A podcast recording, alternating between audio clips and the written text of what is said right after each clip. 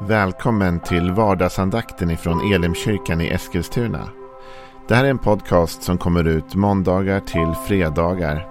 Om du vill veta mer om vilka vi är, vad vi tror på, hur du kan komma i kontakt med oss eller vad vi kan erbjuda dig för någonting så gå in på www.elimkyrkan.com.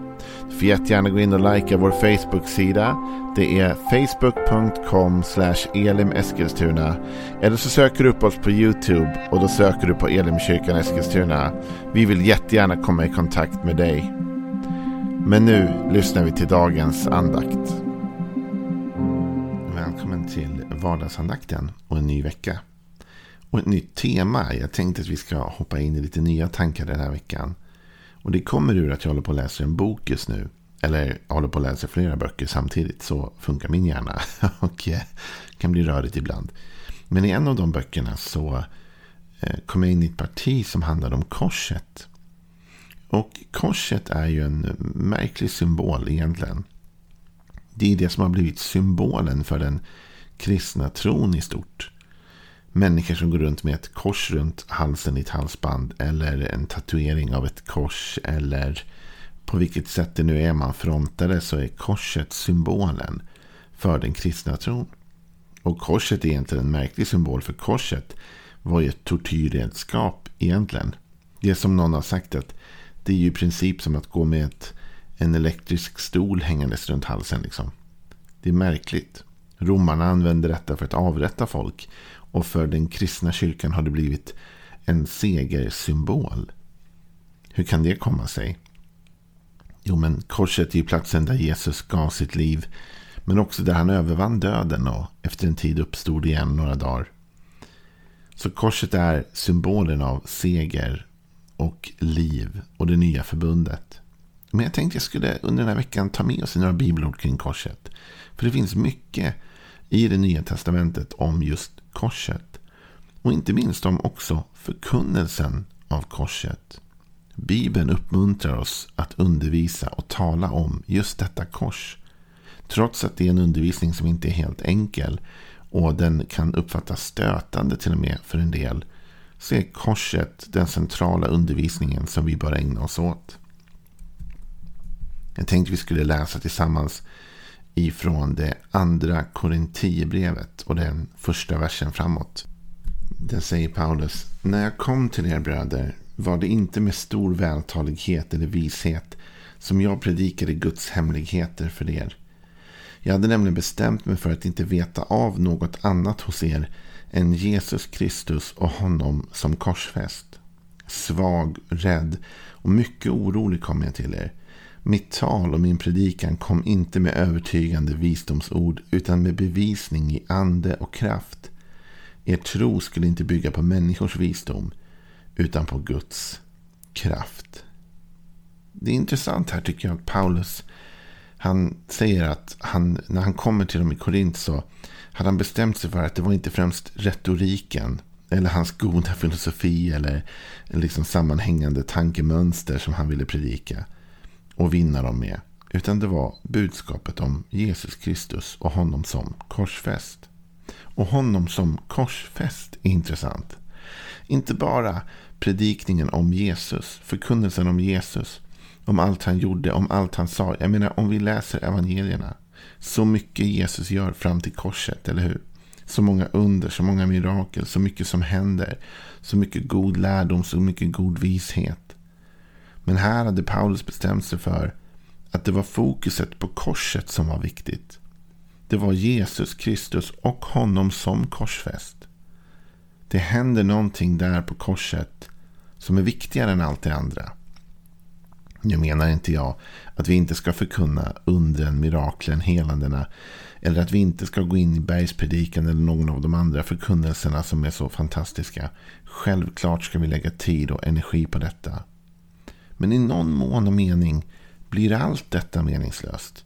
Om det inte vore för korset. För utan korset vore ju Jesus ingenting mer än en god visdomslärare och möjligtvis någon undermirakelgörare. Men det är på korset, när Jesus dör, som ett nytt förbund instiftas. Det är där Hans blod rinner för vår skull, för våra synders skull. Det är där han betalar priset. För all den skuld, all den skam, all den synd som finns på jorden. Det är där någonting märkligt händer. Som särskiljer Jesus från andra visdomslärare. Från andra mirakelgörare om vi ska använda sådana uttryck. Det är korset som gör någonting unikt. Det är där Jesus dör. För dig och för mig. Det är där han vinner en seger över döden. Han uppstår igen. Korset och Jesus Kristus som den korsfäste är kyrkans viktigaste budskap. De andra budskapen är viktiga. De ska också förkunnas och talas ut. Jesus som helare. Jesus som gör mirakel. Jesu undervisning ska vara grunden för våra liv, självfallet. Men om det inte vore för korset så vore det andra utan mening. Mitt tal, säger Paulus, och min predikan kom inte med övertygande visdomsord. Utan med bevisning i ande och kraft. Därför att vår tro inte ska bygga på människors visdom utan på Guds kraft. Och Guds kraft är verkligen tydlig på korset. Där Gud besegrar synden och besegrar döden. Och besegrar ondskan. Paulus har redan i kapitlet innan faktiskt talat just ännu mer om detta med korset. Så det står i första Korinthierbrevet 1 och 21. När världen inte genom sin visdom lärde känna Gud i hans vishet beslöt Gud att genom den dårskap vi förkunnar frälsa den som tror. Judarna begär tecken och grekerna söker vishet. Men vi predikar Kristus som korsfäst. För judarna en stötesten och för hedningarna en dårskap. Men för de kallade, både judar och greker, predikar vi Kristus som Guds kraft och Guds vishet.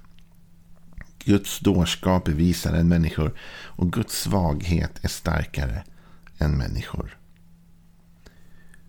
Här talar han om att förkunna Kristus som korsfäst. Och det är inte den smickrande bilden. Vi vill ju gärna predika Kristus som helaren, befriaren, hjälparen, lifecoachen. Använd vad du vill. Vi vill predika en sån Kristus. Men att predika en korsfäst Kristus. Det är en Kristus som hänger på korset. Slagen. Torterad. De har till och med spelat, liksom, spelat om hans kläder. Han har inte ens sina kläder kvar. Han hänger där. Han är, han är hånad. Han är pryglad. Han ser svag ut. För de som står runt omkring. För de som stod där och inte visste hur historien slutar. Så såg det ut som ett nederlag. För oss som vet hur berättelsen slutar så ser det ut som en seger. Men det kunde man inte veta då. Och den korsfäste Kristus är ju aldrig lika, liksom, vad säger man, lockande att förkunna som den segrande Kristus. Det är mycket lättare att predika om uppståndelsen. Det är mycket lättare att predika om när Jesus botar någon som är sjuk eller när Jesus förvandlar vatten till vin eller går på vatten. Men att predika en Kristus som är pryglad. Som hänger på ett sätt hjälplös på ett kors. Som är utsatt för människors hån och förakt. Det är inte lika lockande. Ändå är det detta som Paulus säger var det enda han ville veta av när han kom till Korint. Var det en korsfäst i Kristus. Och så säger han vidare här, men vi predikar Kristus som korsfäst. För judarna en stötesten och för hedningarna en dårskap. Stötestenen för judarna var att i den judiska tron så fanns det en tanke om att var och en som blev upphängd på en, på en pinne, en påle så här, var förbannad av Gud. Och det, hur kunde de förstå det? Att om Gud hade en son och han kom till jorden, han skulle bli förbannad av Gud. Det är ju helt en orimlig tanke. Det kunde de inte ta till sig. Det kunde de inte acceptera. Men vi vet ju att den förbannelse Kristus bar var vår förbannelse. Det står i Galaterbrevet att Kristus har blivit en förbannelse i vårt ställe. Så när Kristus hänger på korset så är han den förbannade Kristus. För han bär vår förbannelse och dör i vårt ställe. Det är en svår tanke att ta emot och här säger till och med Paulus att det är en dårskap för judarna. De kan inte ta emot det. Men det var också en dårskap för eh, eh, hedningarna. Hedningarna kunde inte förstå hur någon kunde ge sitt liv för någon annan på det här sättet. Paulus talar om det i Romarbrevet att kanske går man i döden för någon som är god, men vem dör för den som är, är syndig eller för den som har gjort misstag? Eller vem dör för den som är ond? Men Kristus dör i vårt ställe, tar på sig vår synd. Vi som inte förtjänade det, för oss tar han straffet. Han som inte förtjänar korset tar korset för oss som förtjänade det. Han bär vårt straff för att vi skulle bli fria. Han friköper oss med sitt blod. Här talas det om att hedningarna har svårt för den tanken. Hur kan man älska så gränslöst? Hur kan man ge så osjälviskt? Men sen, sen säger Paulus, men för de kallade, både judar och greker, predikar vi Kristus som Guds kraft och Guds vishet. Med andra ord, för oss som har upplevt korsets förvandlande kraft i vårt liv, så vet vi att även om det kan tyckas stötande för en del, och även om det kan tyckas märkligt, till och med kanske som en dårskap för en del, och vi inte kan få ihop alla bitar om hur någon kan älska så mycket, hur någon kan välja att ta vårt straff och dö på detta plågsamma sätt för vår skull, så har vi upplevt kraften i det. Kraften i att han dog i vårt ställe, tog vårt straff och vi är fria. Vi blir inte dömda, utan vi är friköpta genom korset och genom Kristus. Och Det finns en fara här och du, att du och jag, som med våra liv när vi predikar Kristus, ofta vill predika en vacker Kristus, en segrande Kristus, en framgångsrik Kristus. Och han är allt detta. Han är segerfursten, han är konungars konung, han är upphöjd över alla och allt. Men vi vill också förkunna den korsfäste Kristus. Därför det var i den stunden av, av kamp och strid och lidande och död som vår seger vanns. Och det var inte en vacker stund, men det var en segrande stund. Det var där som kampen avgjordes, striden fick ett slut. Det var där som vi vann.